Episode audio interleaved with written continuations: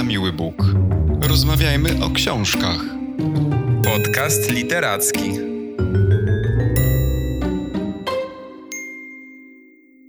Cześć, dzień dobry, witajcie w kolejnym, bardzo wyjątkowym odcinku naszego podcastu. Dzisiaj porozmawiamy o książce, która zrobiła przynajmniej na mnie duże wrażenie. Cześć Kamil.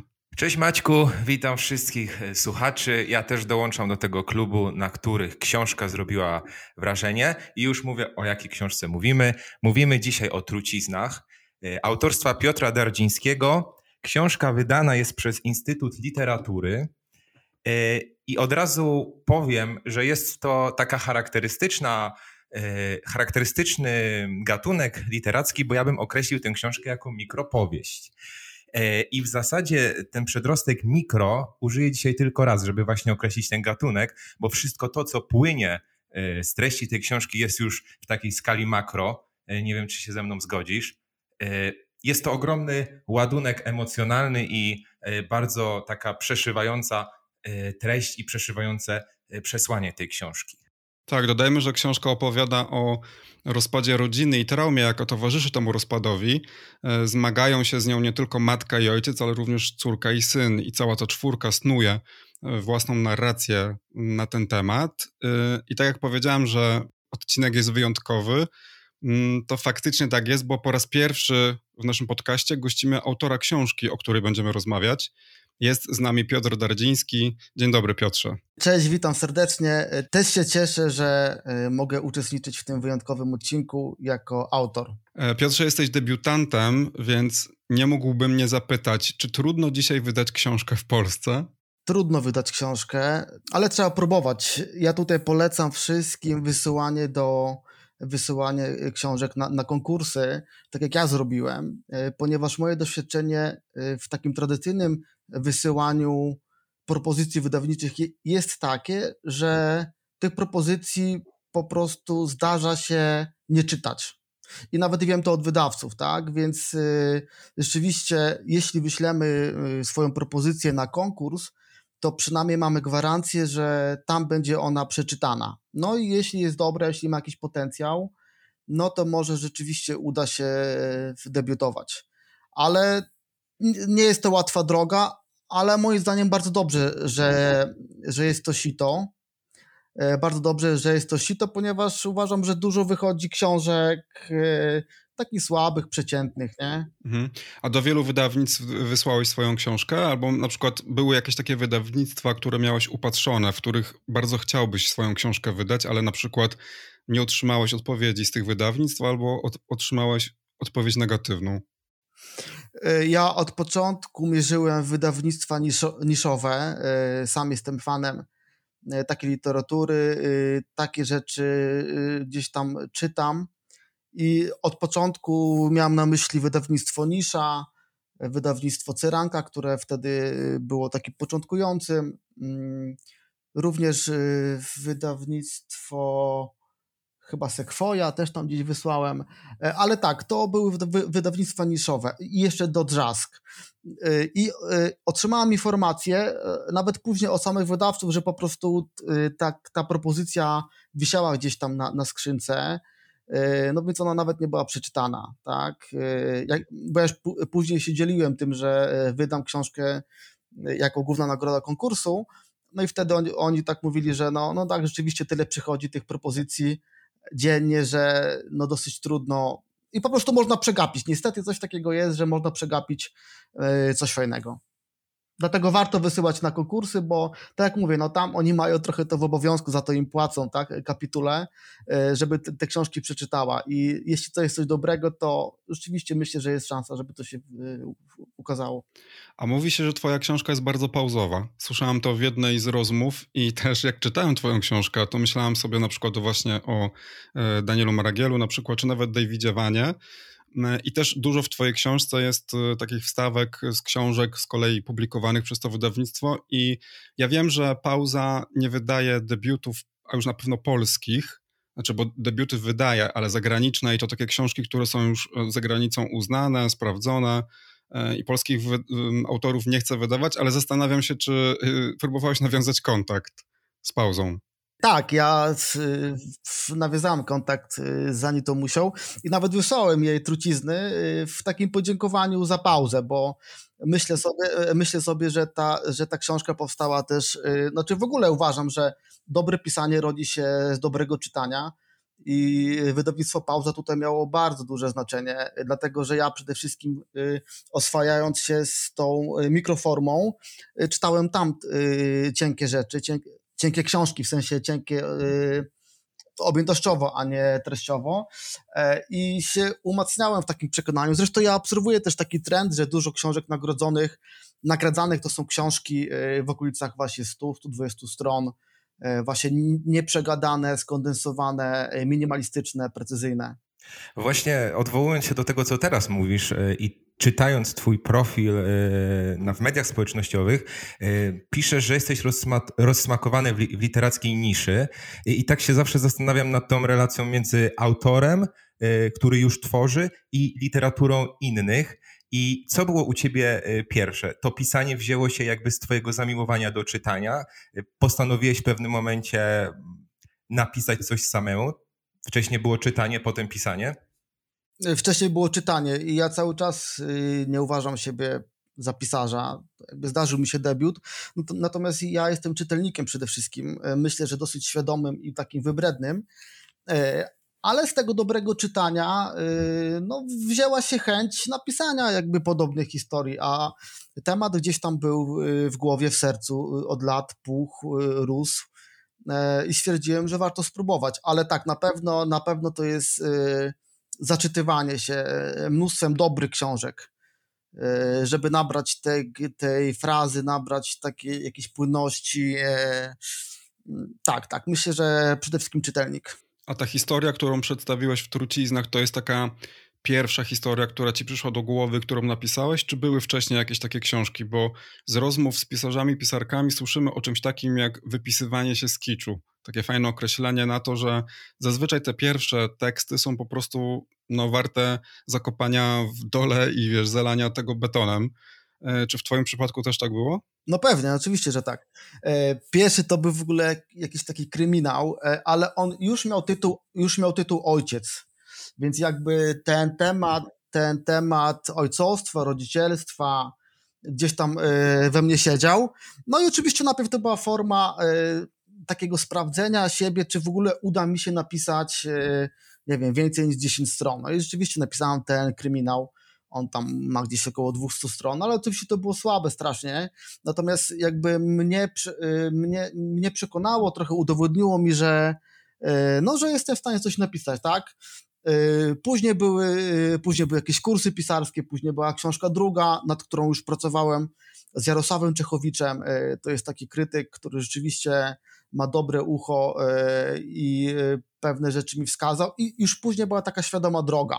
Tylko chciałem powiedzieć taką rzecz, że te trucizny, które mamy teraz jakby na, na rynku, no to, to jest właściwie efekt takiego pisania przez około około 6 lat pisałem y, to opowieść, to mikropowieść. Wydaje się dziwne, tak? Bo ona jest bardzo cieniutka. Natomiast chodzi o to, że przez 6 lat skapywało do ostatecznej formy to, co jest naj, jakby najgęstsze, y, samo, samo, e, sama kwintesencja. Więc najpierw to było trochę rozwodnione w tym kryminale, później ta druga książka, ona nazywała się Tamta Noc, to była taka trochę powieść obyczajowa, e, ale tam już się pojawiały, na przykład zarys polifonii się pojawiał, e, także już pewne rzeczy zostały okrojone z poprzedniej, i rzeczywiście jakby te trucizny są wypadkową, są kwintesencją, esencją samą y, tych wszystkich moich y, prób y, przez 6 lat zmierzania się z tym tematem. A dlaczego ta forma wydała ci się najciekawsza? To znaczy to, do czego doszedłeś na końcu, czyli właśnie taka powieść w skali mikro, która jest bardzo oszczędna, minimalistyczna, a jednocześnie no, bardzo esencjonalna. Ona jest mocno naładowana emocjami. Dlaczego ta forma jest dla ciebie najciekawsza i też mnie ciekawi, jak dochodziłeś do niej? To znaczy, czy ona pojawiła się już na początku, tylko wiesz, polegało to wszystko na, na, na edycji, na, na, na korekcie i tak dalej, czy na przykład pierwotnie układała ci ta książka w głowie w zupełnie inny sposób? E, pierwotnie mi się ta książka układała w, w cztery opowiadania. I rzeczywiście ja, ja, y, gdzieś chyba dzięki książce Petry Sołkupowej Zniknąć, to jest taka pozycja wydana kilka lat temu. Ona, w tej książce były opisane cztery historie, mm, które jakby tak oglądały pewien temat z różnych stron. Wydawało mi się to ciekawe. Tylko zawsze chciałem, żeby te cztery części były troszeczkę odrębne, czyli można by było je czytać jako opowiadania, ale w całości są pewną powieścią. Nie? To jest to, co trochę zrobiła e, Barbara Sadurska z mapą, tak? że mhm. E, można troszeczkę czytać oddzielnie te teksty, ale jednak jest pewien klucz czytania e, całości. I i wtedy pamiętam, kilka lat temu zrodził mi się ten pomysł, chyba dzięki książce właśnie Petry Sołkupowej, zniknąć. No i tak już później właściwie mierzyłem się z tą, z tą polifonią, z tymi narracjami. E, pis, e, pisałem, od, pisałem odrębnie, te, odrębnie te cztery jakby historie. Ale one mi się później oczywiście ułożyły gdzieś tam w całość, nie? Natomiast one były myślane jako cztery głosy y, właśnie opowiadające o truciznach y, w domu, w życiu rodzinnym. Czyli to od początku było czterech narratorów, tak? Bo, bo często jest też tak, że e, osoby piszące mówią, że w tym procesie tworzenia bardzo ważne jest znalezienie głosu i że to jest czasami dosyć trudne znaleźć ten głos, który nam opowie historię. Na przykład bywa tak, że jest historia na przykład, a książka się nie pisze, bo okazuje się, że narrator pierwszoosobowy nie działa. Dopiero przejściem na narratora klasycznego, takiego wszystko wiedzącego, um, odblokowuje twórcę. Na przykład Tokarczuk wprowadzając Jętę do ksiąg Jakubowych, taką narratorkę właśnie panoptykalną, nagle dostrzegła więcej, nie? dzięki czemu potrafiła więcej opowiedzieć, a u ciebie tych narratorów jest aż czterech i każda część jest opowiadana przez kogoś innego. Od początku te głosy pojawiły się od razu, czy próbowałeś na przykład pisać takim trzecioosobowym narratorem na początku? Próbowałem, ale jakoś to nie było tak jakoś brakowało mi takiej intymności, szczerości w tym. Wydawało mi się, że z tej pierwszej osoby y, wyjdzie to bardziej z brzucha, z serca. Ale natomiast tak, od początku wiedziałam, że to, że to będą cztery głosy. Tam o, oczywiście była kwestia proporcji, żeby, żeby któryś głos nie był zdominowany, bo pojawiają się pewne głosy, że na przykład ta narracja ojca jest taka narzucająca się. Ona jest może y, objętościowo dłuższa, mocniejsza, ale na przykład ostatnia y, narracja syna jest, mimo że jest krótsza, no, też jest bardzo mocna, też jest bardzo taka zawłaszczająca czytelnikiem, tak? Więc chciałem, żeby te proporcje były w miarę jakieś tak yy, yy, rozłożone porówno.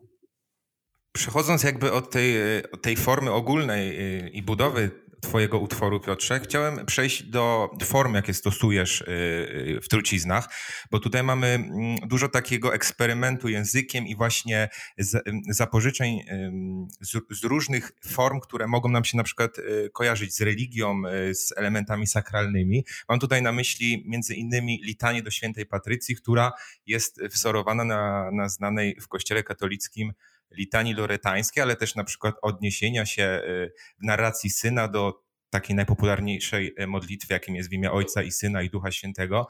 Y, I chciałem zapytać Cię, skąd pomysł na odniesienia do religii mm, tak, tak znaczące, bo jakby religia w treści tej książki jest bardzo kluczowa. Skąd jeszcze pomysł na umieszczanie religii w formie? Religia w formie, też jakby w treści, to jest pomysł na jakby jedną z trucizn, ale nie religia sama w sobie, natomiast y, pewne rozumienie religii. Y, y, opresyjne, jakieś opaczne, wykrzywione rozumienie Boga, taka mentalność trochę taka nie wiem, że kobieta musi w domu pełnić takie funkcje i tak dalej, to się gdzieś tam przejawia, nie? Takie pewne, jest coś w mentalności y, czasami osób, które tak religię y, bardzo przyjmują powierzchownie, y, no taka też przemocowość troszeczkę, nie? Przecież tam są wątki, gdzie właśnie ojciec gdzieś tam tłumaczy, tłumaczy religią, tłumaczy psalmami pewne zachowania swoje, tak? Agresywne. Tak, Y, wydało mi się to ciekawe, tak? Y, dlatego, że mm, jeszcze z innej strony, że, że coś, co jest trucizną, y, w gruncie rzeczy z tej trucizny też coś dobrego może później gdzieś tam wyjść, tak? Bo jednak ostatni narrator w książce, już jako osoba dorosła, no gdzieś tam tą opcję wiary przejmuje, tak? E, mimo, że ona była trochę spaczona, to coś w nim zostało, tak? On znalazł to, e, on, on znalazł to Pismo Święte Ojca, on się do tego odnosi, to cały czas jest taka rekonstrukcja tej wiary, już w życiu dorosłym, no ale coś, coś tam dobrego też z tego mogło wyjść. To, I to mi się wydawało ciekawe, dlatego że ja też w literaturze polskiej jakoś nie, nie znalazłem w ostatnim czasie takich głosów. Znaczy, no były dewocje, były jakieś takie, e, takie trochę reportażowe rzeczy, natomiast powieści, żeby uczynić e, właśnie religię jakąś taką, e, no też ważną, ważną postacią, to ja nie czytałam czegoś takiego. Tutaj mimo, że ojciec jest taką, e, takim reprezentantem e, skrajnie e, pojmującego przedstawiciela jakby religii, przedstawiciela pojmującego religię bardzo skrajnie i o, o, tak ortodoksyjnie, prawda, to on jest autorem jakby tej litanii do świętej Patrycji, która w swoim tym nowym wydźwięku, którą, którą stworzyłeś na potrzeby tej książki, no jest taki przewrotny jest, prawda, że on z, w zasadzie z dzieła, które jest pewnie dla niego bardzo ważne jako dla katolika, E, no, tworzy taką zupełnie przystającą do, do, do jego życia przewrotną, trochę z przymrużeniem oka litanię. Znaczy tak, bo ta litania ona w ogóle wzięła się e, z takiego, z takiego gniewu, z takiej wściekłości na to Patrycję, która jest taką, jak tu się pojawia, królowa katoliczek rozwodniczek, nie? Po prostu on jest, on jest, on jest skurzony, że po prostu jego żona znalazła jakiegoś powiernika, który wspiera ją w tych pomysłach, e, która pewnie szepcze jej do ucha, słuchaj, e, puść tego gościa, weź go olej, e, weź dzieci, wyjść do babci i tak dalej. E, on to wyczuwa i ta wściekłość, e, no właśnie chciałam, żeby, chciałam, żeby wyszła też w te, w te litanii. No mi się to strasznie podobało. Pamiętam, że jak zacząłem czytać tę książkę, bo to zaraz jest gdzieś tam na początku, to od razu pisałem do Kamila, mówię, że to jest po prostu genialne. Ja uwielbiam takie eksperymenty, trochę postmodernistyczne właśnie. Strasznie mi się też na przykład podobało, jak świadomie używasz innej literatury, na przykład y, poezji, bo pod koniec z kolei książki pojawia się wiersz, który dla uważnych czytelników będzie to jasne. Rozdział wcześniej część tego wiersza, czy może nawet cały wiersz, jest przepisany w formie prozy. To znaczy ta scenka została z tego wiersza wykorzystana i napisana w, w prozie, prawda? Tak, tak, tak, tak, tak. To było, no to było ciekawe. Tak y, mi się to udało jakoś tak znaleźć taki fajny trop, żeby to też pokazać od takiej strony. Chociaż ten wiersz też jest, no wiadomo, on jest taki grafomański, nie? Y, bardzo świadomie. Natomiast tak, yy, fajnie jak pewne tropy jakby wychodzą w różnych formach. Nie? To jest ciekawsze chyba dla czytelnika niż takie po prostu opisywanie wszystko e, jednym ciągiem. I muszę cię od razu też pochwalić, bo robisz w literaturze coś, co ja uwielbiam ja w ogóle po to sięgam po książki, e, mm, żeby znajdować takie rzeczy, które też znalazłem w twojej książce. E, już mówię o co chodzi. Mianowicie ja mam olbrzymią słabość do autorów i autorek, którzy grają znaczeniem słowa. I jak sięgam po książkę, to oczywiście jest to zawsze opowieść, jest to zawsze historia, ale chyba w głównej mierze im więcej czytam, tym częściej tak mam, że w głównej mierze sięgam jednak po język. I tutaj właśnie znalazłem to wszystko, czego um, szukam w dobrych książkach. Najprostszy przykład, jak opowiadasz o tym, że um, używasz słowa um, rozkładać, rozkład, jak mąż rozkłada wersalkę, żona rozkłada łóżko i robią to w osobnych pokojach i tak wygląda rozkład ich małżeństwa. Albo na przykład, w ogóle dużo jest takich poetyckich, e, powiedziałbym, fragmentów w twojej książce, jak na przykład bohater suwa obrączkę i ma ślad na palcu i, i mówi, że, że pod obrączką jest go mniej. Wspaniałe to jest. Nawet, nawet coś takiego jak to, że im się nie układa i, i mówią, kwitują to, to zdaniem, że nasz język był bardzo ubogi, prawda? Że w ogóle przestali ze sobą rozmawiać i jakby definiują tak naprawdę rozpad swojego małżeństwa brakiem języka. E, bo, bo tam w kolejnym zdaniu czytamy, że każda rozmowa to w końcu jakieś bycie razem. To się wydaje może trochę banalne albo jakieś takie super oczywiste, ale y, pamiętam, że te fragmenty mnie bardzo urzekły, bo, bo tak naprawdę widzisz, to co wydaje mi się, że jest siłą twojej książki, to to, że w bardzo atrakcyjny literacko i czytelniczo sposób y, potrafisz nazwać takie naj, najbardziej przyziemne rzeczy. No to fajnie, że, że, że tobie się to podoba i że też to zauważasz. E, no ja sam mam jakby dużo radochy, jak, jak sam znajduję takie rzeczy w tekstach. Ja, ja, ja uwielbiam e, prozę poetycką. Na poezji się za bardzo nie znam. Znaczy śledzę, trochę czytam, natomiast proza poetycka to jest rzeczywiście, i to pewnie też trochę widać w truciznach, to jest ta ścieżka, którą śledzę e, dosyć dobrze. Ida Linde, tak, szwedzka poetka i jej książki właściwie To chyba nawet się wzięło, jak ja zacząłem czytać Idelindę, to zrodził się pomysł, yy, żeby nie napisać takiej właśnie książki, nie? Yy, w takiej formie, bo tam też są pewne, pewne takie mikroobrazy, mikropęknięcia, yy, to jest cienkie, yy, więc tak, tak, tutaj rzeczywiście ta, ta poezja, proza poetycka, yy, ja nawet się trochę martwiłem, czy tego, czy, czy tego nie jest za dużo, nie? Ale... Powiedziałbym, że trochę jest, że, że znaczy, może nie, że, nie, że za dużo, ale widać, że autor kombinuje. I popisuje się, nie? Może, trochę tak, ale dla mnie to jest fantastyczne. W sensie, nie wiem, yy, może wiesz, to wynikać z tego po prostu, że ta książka jest krótka i, i najczęściej jednak jest tak, że mm, powiedzmy, że podobną ilość zabiegów literackich, takich artystycznych znaleźlibyśmy jednak na 300 stronach. No tak. A nie tak. tak u ciebie, więc myślę, że to z tego wynika. A uważasz, że to jak piszesz, to jak napisałeś trucizny, to, to jest już jakiś twój styl i na przykład ta forma, w, w której umieściłeś tę książkę, to jest coś, co chciałbyś być temu wierny? Pisać w taki właśnie sposób, takie krótkie książki i podobnym stylem? Czy na przykład jesteś otwarty albo chciałbyś spróbować zupełnie czegoś innego teraz? To znaczy tak, ja, ja, ja stylu bym się trzymał, bo y, uważam, że y, on jest jakoś tam rozpoznawalny. Jak nawet teraz napisałem opowiadanie do Fabularii, Ludwik, to ono też rzeczywiście tam ktoś powiedział, że to jest właśnie w stylu, w stylu Dardzińskiego. Oczywiście, jak, to, jak to słyszy debiutant, to wiecie, no to, to się po prostu fajnie robi, nie? Tylko, że to nie jest, to nie jest styl, który się zrodził wczoraj, nie? To jest jakby y, efekt też jakichś tam kilku lat bardzo świadomej pracy. Y, nad słowem, grzebania w tym, w tym słowie, oglądania go, zaglądania pod nie i tak dalej. Więc tak, no myślę, że, że styl podobny. Zresztą teraz piszę jakby drugą rzecz i ona też jest taka truciznowa w języku. Yy, natomiast no, chciałbym trochę dłuższą napisać książkę z tego względu, że yy, jest, jest pewien taki próg wejścia do wydawnictw jednak. Tak jakby ta moja książka, ona się okazała dlatego, że E, była w konkursie i tam nie było limitu, jeśli chodzi o ilość znaków. No ale, ale dobrze wiecie, że jednak wydawnictwa, no to powiedzmy tam, nie wiem, yy, jakaś liczba znaków musi być, tak? I to też trochę jest dla mnie wyzwanie, dlatego że ja tutaj więcej skreślałem w tej książce niż jakby dopisywałem, nie? Jakby ona, im mniej, tym więcej. Y, to było ciągle krojenie, ciągle, y, ciągle wywalanie jakichś zbędnych zdań. Y, czy to da się powiedzieć krócej, lepiej, czytanie na głos, szukanie takiego rytmu.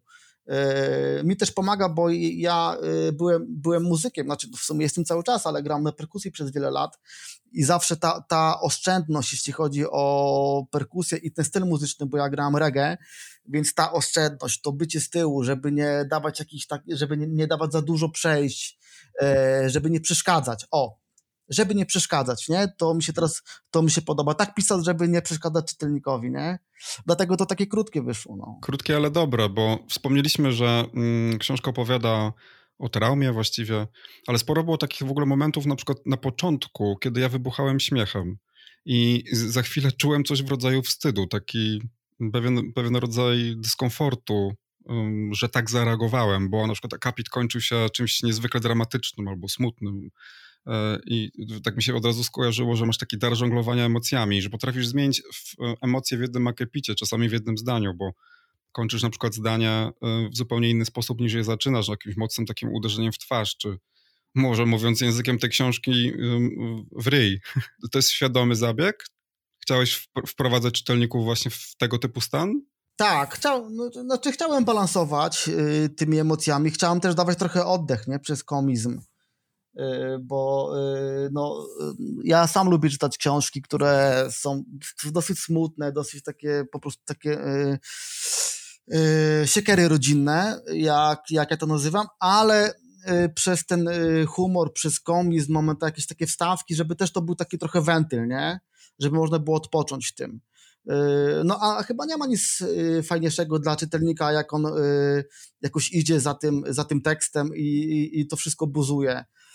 Ja teraz czytam taką książkę e, za pojutrze o przemocy domowej e, kobiet, kobiet do mężczyzn i to jest książka, którą ja muszę odkładać. E, bo jest, jest taka fala, że muszę odłożyć, bo są tak silne emocje, tak? I też tak niektórzy, znaczy moi bliscy znajomi, to też nie wiem, czy to jest obiektywne, ale jak właśnie opowiadali, że musieli tę książkę odkładać, że jakby ona była bliska szantażu emocjonalnego, że była tak momentami trudna dla nich, że musieli ją odłożyć. No taki był też trochę mój efekt, nie? że jakby ja, ja sam lubię takie książki, z jednej strony, które są nieodkładalne, ale czasami tak mocno wchodzą w takie doświadczenie życia, że nie, ja, ja muszę odpocząć to jest za duży hardcore, nie? Tak jak mam teraz z tą, tą, tą książką o tej przemocy.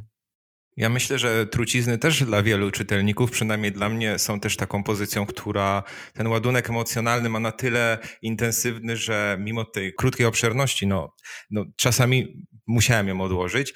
I właśnie mm, mam takie trochę wrażenie, nie wiem jak to skomentujesz, że mm, trochę bije z tej książki taki fatalizm, bo mówi, mówi, mówimy o tym, że jakby ciężkie dzieciństwo, trudne relacje rodziców wpływają y, na teraźniejszość i przyszłość dzieci.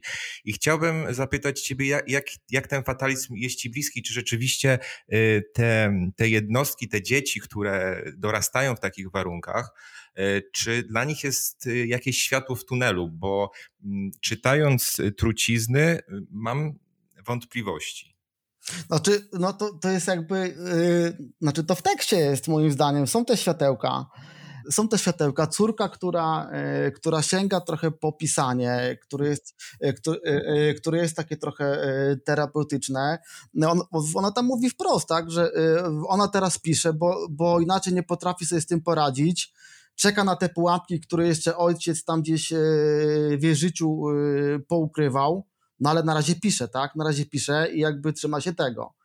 E, syn z kolei e, no, troszkę uczepił się tej, e, trochę uczepił się tej religii, tak? Trochę się uczepił tej wiary, trochę tak próbuje to wszystko sobie tłumaczyć.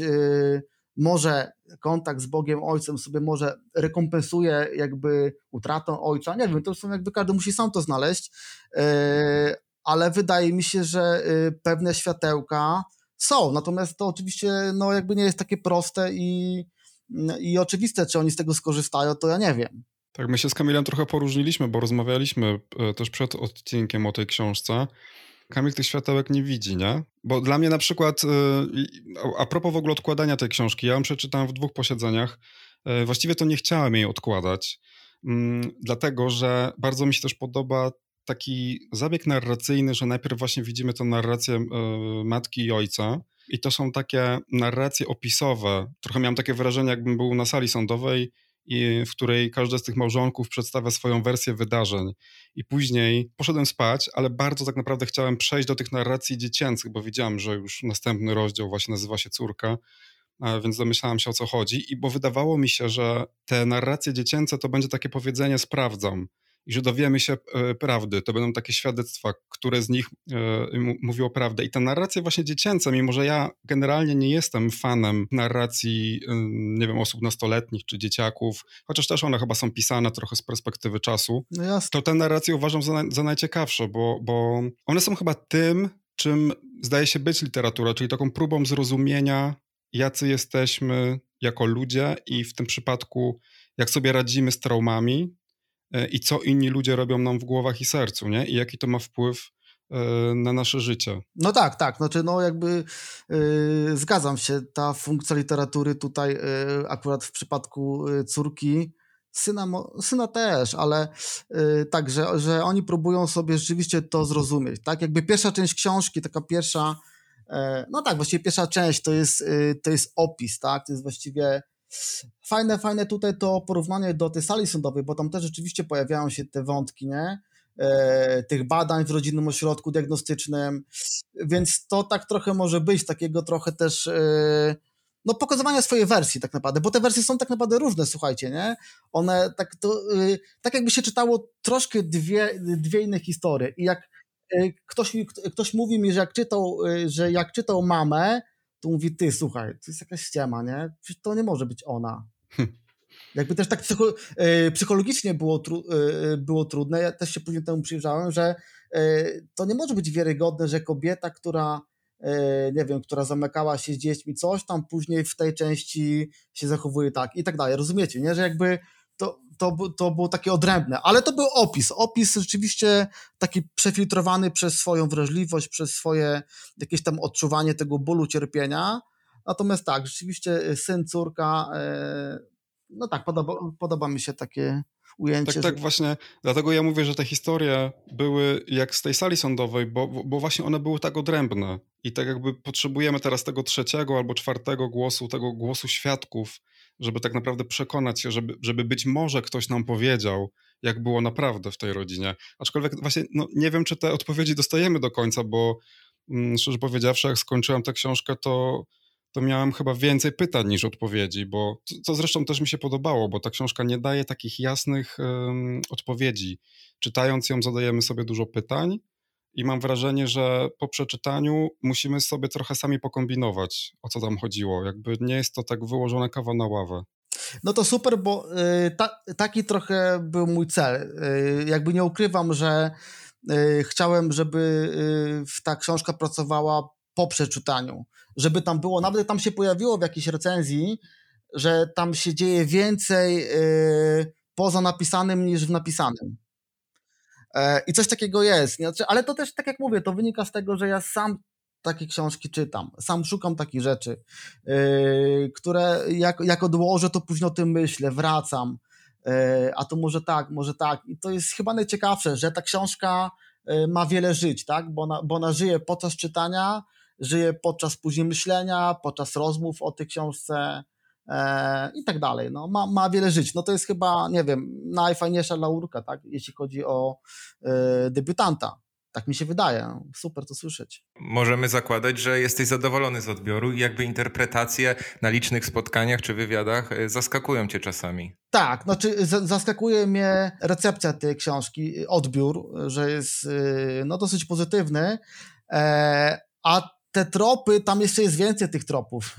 jeszcze nie, nie, nie, nie wszyscy wpadli na, na rzeczy, które tam gdzieś poukrywałem, e, bo, bo jest parę nitek, tak? I dotychczas e, na czterech spotkaniach e, no to były tylko niektóre nitki wyciągane, a to nitka przemocy, nitka tej religii i tak dalej, natomiast tam jest jeszcze troszkę więcej. I to jest ciekawe, że na takiej małej ilości stron, tak, jest tyle, y, jest tyle wątków, o których można rozmawiać. To jest jakby y, książka na pięć kolejnych książek, nie? I to też jest książka na pięć kolejnych czytań, bo tak. wiesz, jak na takiej małej ilości stron umieścisz tak bardzo dużo właśnie tych nitek, to bardzo łatwo jest je przeoczyć, bo bo ja pochłaniałem tą książkę po prostu. Tak mi się, tak mi się to wszystko podobało. Też rozdziały są bardzo krótkie i, i to się czyta bardzo szybko, no ale właśnie w takim szybkim czytaniu istnieje to ryzyko, że coś nam po prostu umknie. I oczywiście ty tę książkę znasz na wylot, ten tekst prawie znasz na pamięć, yy, o tych bohaterach wiesz wszystko, no a my czytelnicy musimy tak naprawdę czytać bardzo, bardzo uważnie, żeby wyłapać te wszystkie tropy, które pozostawiałeś. Ale zdarzyło mi się, muszę wam powiedzieć, y, przed takim spotkaniem, chyba jechałem do Torunia, no, że, że sobie przy, to, to książkę przeczytałem i byłem zdziwiony, że ona we mnie jeszcze, to jest trochę chyba perwersyjne, ale że ona we, że ona we, że ona we mnie jeszcze, słuchajcie, wzbudziła pewne emocje, nie? Gdzie generalnie autor książką trochę no, wymiotuje jakby w takim pierwszym tym, no bo ma, ma tego dość, tego jest za dużo. Ale to też pokazuje, że czas zrobił swoje i ja sobie tę książkę y, gdzieś tam czasami y, do niej zaglądam, nawet też dzisiaj i rzeczywiście niektóre zdanie, że, że to jeszcze mnie rusza, nie? Mnie jako autora i no to jest fajne. Jestem ciekawy, czy na przykład jak przeczytasz tę książkę za rok albo za dwa lata, to czy mm, będzie w twojej głowie taka myśl, że czy to faktycznie ja napisałem. Czasami jak się czyta nawet swoje jakieś takie zapiski, notatki po długim czasie, to ma się wrażenie, że tak to naprawdę ja kiedyś napisałem? Okej, okay. takie trochę stanięcie z boku, tak? Tak. tak. Albo jak po śmierci latasz i widzisz siebie, nie? Na łóżku szpitalnym. Ja też specjalnie nie wyciągam tych nitek, bo my w naszym podcaście jak najbardziej staramy się jednak unikania mówienia o fabule, chociaż tutaj ta fabuła nie jest może taka super istotna, bo też ta historia nie jest e, jakaś szczególnie oryginalna, bym powiedział. Natomiast dla mnie tutaj wartością tej książki jest to, znaczy ten sposób, w jaki tę historię zdecydowałeś się opowiedzieć. Dlatego też nie chcę rozkładać tego na czynniki pierwsze, bo myślę, że to też będzie duża przyjemność dla naszych słuchaczy i słuchaczek, żeby faktycznie sięgnęli po tę książkę i ją przeczytali. Jeśli chodzi jednak o te nitki, to, to, to mnie zafascynowała najbardziej właśnie relacja ojca i, i syna. Trochę już o tym powiedziałeś y, y, wcześniej, bo Tak, ojciec jest patologiczny, patologiczny katolik, tak, stosujący przemoc, bijący żonę, córkę i, i to jeszcze tak bijący dosłownie ze słowem Bożym na ustach, nie? o czym właśnie też już wspomniałeś, wykrzykujący jakieś fragmenty biblijne, jak trochę taki starotestamentowy ten ojciec. On mi się w ogóle kojarzy z postacią ojca z takiej książki, która też e, gościła w naszym podcaście, Niepokój przychodzi o zmierzchu, Mariekę Lukasa Reinefeld. Tak, znam. I, I też y, wydawałoby się, że właśnie od takiego ojca syn się odetnie. Też ostatnio rozmawialiśmy z Kamilem o książkach Didiera Ribon i, i Eduarda Luisa i też zastanawialiśmy się nad tym na przykład, y, jak oni wracają po latach do swoich ojców. To znaczy jeden właściwie nie wraca, wybiera taką drogę odcięcia się, a drugi y, mimo tego, że nie wiem, ten ojciec wyrządził mu jakieś krzywdy, że się w, w dzieciństwie nie, do, nie dogadywali, byli zupełnie jakby odrębni, to jednak po latach stwierdza, że chce z tym ojcem no pogodzić się to może banalnie powiedziane, ale nawiązać jakąś e, więź z powrotem. I tutaj właśnie mam wrażenie, że Kajtek, e, e, czyli właśnie ten syn, idzie, idzie jednak w ślady ojca. On nawiązuje z nim jakąś próbę dialogu, tak? Że jakiegoś zrozumienia. I mnie jednak zawsze trochę dziwi, że że ofiara próbuje zrozumieć kata i nawet bym powiedział, że mnie to wkurza. Jak czytałem tę książkę, to mnie to jednak wkurzało, że on taki jest. No tak, on jest y, ofiarą jakby całej tej traumy domowej, tak? Natomiast y, w gruncie rzeczy my tutaj mało wiemy o, mało wiemy o ojcu i synu, jakby, no kiedy on żył jeszcze. A, może to taki spoiler, a nie, to nie jest spoiler. Y, tu tak naprawdę mamy do czynienia z pewnymi pamiątkami, które on odkrywa dla czytelnika po śmierci ojca. No a wiadomo, jak jest po śmierci, tak? Po, po śmierci, no tutaj jakby nic nowego nie powiem, że troszkę idealizujemy, tak, człowieka. E, więc on te pamiątki ma, do tego dochodzi idealizacja i w tych migawkach, no tu on nam się jawi jako taki czuły ojciec, e, ale czy on taki nie mógł być? To już musimy się zastanowić, natomiast no właśnie, no, tu są mhm. właściwie dwie traumy nie, w tej relacji, bo z jednej strony jest trauma zafundowana przez ojca za życia, i teraz nie wiem, czy o tym mówić, czy nie mówić, bo jest też ta trauma syna, który e, gdzieś w momencie śmierci tego ojca, jakby e, powiedzmy kolokwialnie, nie daje rady. Myślisz, że to będzie za, za, duży spoiler, jak powiemy? Może zostawmy to, żeby tego jakoś nie, nie, nie, nie odkrywać, bo to też e, ma, ma, ma, swoją dynamikę. Ta informacja fajnie, jak się ona pojawi no, w tym miejscu, w którym ma się pojawić w książce. Tak. Bo, bo wydaje mi się, że ona wtedy trochę inaczej ustawi całą lekturę, nie? W każdym razie być może to, to, to wydarzenie, nie wiem, zasiewa w tym kajtku jakieś takie poczucie winy być może, które potem przekształca się jednak właśnie w próbę właśnie nawiązania jakiejś takiej więzi z ojcem, no którego już oczywiście nie ma, ale taką, ta, taką taką, taka, taka próba nawiązania tej więzi we własnej głowie nawet w taki sposób, że, że właśnie ten ojciec jest idealizowany i jednak jest mu wiele wybaczone i tak dalej, i tak dalej. Ale ta, y, o ostatni rozdział za, zaczyna się właściwie od tej sceny, kiedy on mówi, że za, za każdym razem pęka mi serce, kiedy myślę o tamtym lodzie, mhm. białym magnumie. On e, kupił e, dla, dla, dla taty w żabce loda i, i był taki upał, że, że on tego loda nie doniósł. Tak, rozpuścił się. I, I jakby dla dzieciaka znaczy ten, ten obraz wydał mi się bardzo ciekawy, nie? bo e, wtedy to może było nic, ale on teraz po latach e, jakiś taki żal w nim, tak? I mówi, że tutaj e, ojciec mówił, że spoko, że nic się nie stało, ale ja wiedziałem swoje. Nie? Jakby on tutaj pokazuje, właściwie ten rozdział się, się otwiera e, takim, takim, taką otwartą raną, otwartym żalem. No, na podstawie tego loda chciałem to pokazać, bo to wydawało mi się bardziej plastyczne. A mówiliśmy też o tej córce, która traktuje pisanie jako, forma, jako formę terapii. Zresztą tam sporo jest takich e, literackich właśnie wtrętów w tej rodzinie, bo, bo zdajże, bodajże ojciec, przepraszam, że nie pamiętam dokładnie, ale on chyba się zastanawia nad tym, jaki tytuł mogłaby mieć książka. To zastanawia się dorosły Kajtek. A właśnie, ale też jest motyw, chyba też gdzieś w pierwszej części książki o kursie pisania kreatywnego. Jest tam jakieś zdanie na ten temat, bo zwróciłem na to uwagę, bo tak sobie myślę, oho, autor przecieka. To jest y, przy córce. tak. No i właśnie, i ona, i też mi się to bardzo podobało, że ona w, zaczyna pisać to swoje pierwsze opowiadanie. Fajny jest też ten zabieg ze skreślaniem tekstu. Uważasz, że powinno się pisać po to, aby leczyć sobie właśnie duszę? I na przykład, czy takie pisanie w ogóle powinno się wydawać? Niech jakby ludzie, nie, nie wiem, no jak, jak, jak chcą pisać i, i, i mają to pomagać, to, to, to niech piszą. E, czy powinno być wydawane? Nie wiem. E, jeśli ta proza będzie niech ona będzie przefiltrowana przez życie, ale niech ona będzie miała jakieś prawdy uniwersalne. To jest, to jest taka moja teza. Ja sam szukam książek, które są takie trochę pamiętnikowe, no teraz Cyranka tego wydaje sporo, nie, nie, nie wiem, Good y, czy Emily Pine wcześniej. To są książki y, pamiętnikowe, takie dziennikarstwo zaangażowane troszeczkę, ale to jest tak, to jest tak literacko otwarte i E, pokazujące jakieś prawdy uniwersalne, że każdy może się w tym odnaleźć. I mnie takie coś interesuje. Czyli pisanie mo może być te terapeutyczne, ale niech one wyjdzie poza swoje jakieś, jakieś, jakieś traumy, nerwice i niech trochę otworzy pytań dla innych. Tak mi się wydaje, nie wiem.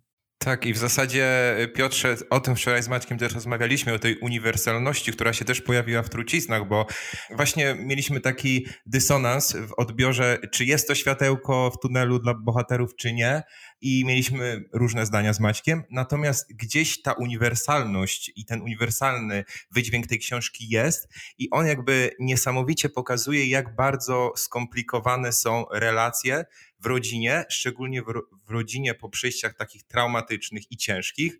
I ja też jestem właśnie zdania, że literatura y, powinna być y, kompleksowa, powinna trafić i znaleźć jakby mm, tą, tą, tą, tą, to pole do interpretacji dla każdego czytelnika. Wtedy według mnie ona jest pełna, y, dobra i, i, i to w truciznach uważam, że jest.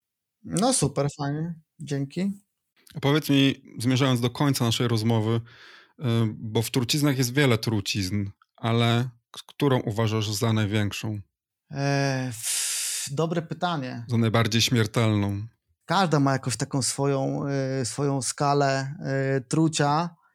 Myślę, że to, co się działo między rodzicami, tak mi się wydaje, y, pewne oczekiwania, które, które mieli wobec siebie. Ja nawet teraz w Łodzi na jesień być może będzie pewien festiwal literacki e, dla debiutantów. E, ja tam będę brał udział i był taki pomysł, e, jaką imprezę zrobić w Łodzi, która by korespondowała z truciznami. Ja wpadłem na pomysł, żeby tu było warsztaty dla rodziców. Nie? Jakby to jakoś tak z tego wydaje mi się, że to jest źródło. Znaczy warsztaty dla rodziców, które pomogą im na przykład pracować nad czymś, ceniąc swoje różnorodności, które mają, bo wydaje mi się, że w rodzinie z tego zabrakło. Oni mieli oczekiwania wobec siebie, e, to były różnorodności, które, które nie, nie budowały, nie ubogacały, tylko niszczyły. E, wydaje mi się, że ta trucizna relacji e, chyba była taka dominująca. Tak mi się wydaje. Jeszcze zrobię krok wstecz i dopytam, bo mówiliśmy o tym terapeutycznym pisaniu. E, nie chcę pytać, czy ta książka pełniła jakąś dla ciebie terapeutyczną funkcję, bo to by było e, pytanie być może zbyt osobiste, ale na przykład, czy ona pozwoliła ci coś poukładać sobie w głowie? Tak, tak, myślę, że tak. Książka otwiera się, otwiera się dedykacją dla mojego taty i tu rzeczywiście jakoś mogę mówić o tym wprost, że mój tata zginął e, śmiercią samobójczą i rzeczywiście tak wydaje mi się, że tą książką mogłem też jakiś tam etap sobie radzenia z tym zamknąć. Y, mhm. No chociażby to, nie? Chociażby to. Tak, na pewno ma to. Jakby ja tutaj nie wierzę, tam teraz każdy będzie mówił, na przykład debiutant. Debiut, słuchajcie, jest po prostu y, bardzo intymny, bardzo z brzucha, tak? Jakby zawsze jest najbardziej osobisty no co to ukrywać, tak? Tak, ja się też zastanawiałem nad tym, czy na przykład nie zadać ci takiego pytania, ile w tej książce jest fikcji literackiej, ale tak sobie później przypomniałem, że wiele razy też rozmawialiśmy z Kamilem o tym, że właściwie czym jest fikcja literacka, tak naprawdę wymyśleniem jakiegoś świata tylko po to, aby powiedzieć jakąś prawdę, którą się przeżyło, więc wcześniej czy później i tak to właśnie to, co ty mówisz, wychodzi wszystko z brzucha. Tak, tak, tutaj chodzi o prawdę emocji, to się równie dobrze mogło wydarzyć, nie wiem, we, we Wrocławiu, u was, tak, jesteście Wrocławia, to mogło się wydarzyć yy, w małym mieście, yy, to mogła być inna konfiguracja, ale są pewne uniwersalne gdzieś tam emocje, przeżycia, bóle, e, ta samotność, jakby każdy się, w tym odnajdzie, nie? Nawet jak e, się fajnie układa gdzieś tam w małżeństwie, to myślę, że e, pa, parę osób mogło się odnaleźć w tych takich niektórych samotnościach, wyjścia na fajkę, jakichś takich ucieczkach, czasami o trudnych rzeczy, tych, tych, tych, so, tych sobót, sobót w domu, które są różne, nie? Jakby y, myślę, że każdy, nie? Każdy gdzieś tam mógł się trochę z tym identyfikować. Tak. Maciek zrobił tutaj y, krok wstecz, pytał o przeszłość, to ja może zrobię wyrównujący krok w przód i chciałem zapytać o te plany na przyszłość e, bo mówisz, e, że mm, ten temat akurat ciężkich, ciężkich doświadczeń rodzinnych w tobie puch i w końcu w formie tego debiutu ujrzał światło dzienne, a Y, czy jakby myślisz, że kolejne twoje dzieła będą też dotyczyły takich traum rodzinnych i, e, i relacji generalnie między małżonkami, czy między, małżon czy między rodzicami a dziećmi? Czy masz pomysły też na umiejscowienie tych historii w innym zupełnie otoczeniu? Znaczy, ja, ja, mam pomysł jakby teraz na książkę drugą, którą piszę. E, nie wiem, jak, jak, będzie dalej, czy, czy, czy te tematy. Znaczy, wydaje mi się, że po te tematy już nie będę sięgał, bo to jest troszeczkę tak, że trochę się jakby wyprztykałem, mówiąc kolokwialnie, e, jakby z tego, nie? Jakby co miałem do powiedzenia, jakby w tej materii powiedziałem. E, I raczej nie planuję powrotu do tego. E, chciałbym teraz napisać troszkę coś innego, ale też która, książka, która trochę będzie kontynuacją nie, nie Trucizny 2, tylko która będzie trochę otrutką nie? Jakby, czyli będzie historia człowieka, który będzie szukał różnych odtrutek na y, trucizny, y, które mu się w życiu przydarzyły. Jakby trochę na drugim biegunie ona ma być taka pozyty- ona ma być bardzo pozytywna ta książka, więc to też jest dla mnie wyzwanie, e, bo hardcore się pisze dosyć, dosyć łatwiej, wydaje mi się, a, a, a napisać książkę pozytywną, e, która nie, nie popadnie w kicz, e, a jeszcze w której będzie wiara odgrywała główną rolę, to ja po prostu już się boję, nie? Ale z drugiej strony to jest dla mnie wyzwanie, nie? To jest dla mnie wyzwanie. Fajnie, no trzeba sobie stawiać wyzwania, no zobaczymy, co z tego wyjdzie. A Piotrze, powinienem na początku zadać takie pytanie, bo też mnie ciekawi, ale to może takie koło zatoczymy, y, bo ciekawi mnie, jak przechodzisz ten moment po napisaniu książki, to znaczy, wiesz, po wyrzuceniu z siebie historii, którą nosiłeś tyle lat w głowie i którą pisałeś tak długo, mi się to kojarzy trochę z takim uczuciem ulgi, znaczy tak, to jest rzeczywiście, e, jest pewna ulga, jest też pewne, no spełniło się moje marzenie, żeby jakby wydać debiut, żeby zadebiutować, ale jest pewna klątwa drugiej książki. Po debiut mogę sobie pisać, miałem ten komfort, mogłem pisać sobie 6 lat. Wyjdzie, nie wyjdzie, ja mam czas i tak dalej. I był ten komfort, mogłem sobie grzebać, skubać w tym języku, e, robić wiwisekcje i tak dalej. Natomiast e, teraz rzeczywiście, tak jak ktoś mnie zapytał, pamiętam Paweł biegł z Malachoi Codzienności w Toruniu, no to ja powiedziałem mu wprost, że słuchaj, ja nie wiem, czy ja napiszę dalej coś, nie? No natomiast temat się pojawił, z tym, że to jest rzeczywiście, e, no jest taka pustka, no tak jak pytasz, no to jest e, taka, taka pustka, szukanie trochę tam temat był i on po prostu sam wypadał, jak te mirabelki z drzewa, tam też taki się, się pojawia taka, taka, taka fraza. Natomiast tutaj rzeczywiście trzeba tego tematu szukać. I to właściwie większość debiutantów e, jakby się z tym identyfikuje, tak? I jest pewna klątwa, że jakby, jakby teraz trudno, nie? Że też będziesz porównywany i tak dalej. Ale nie wiem, no zobaczymy. Ale wiesz co, też wiem, że wydawnictwa strasznie cisną y, młodych twórców, młodych w, w, sensie właśnie debiutujących, że, że faktycznie jest jakaś taka potrzeba wydawania książki y, co dwa lata albo nawet co rok, żeby nazwisko y, nie zniknęło. Nie ma takiej potrzeby, słuchaj, nie ma takiej potrzeby.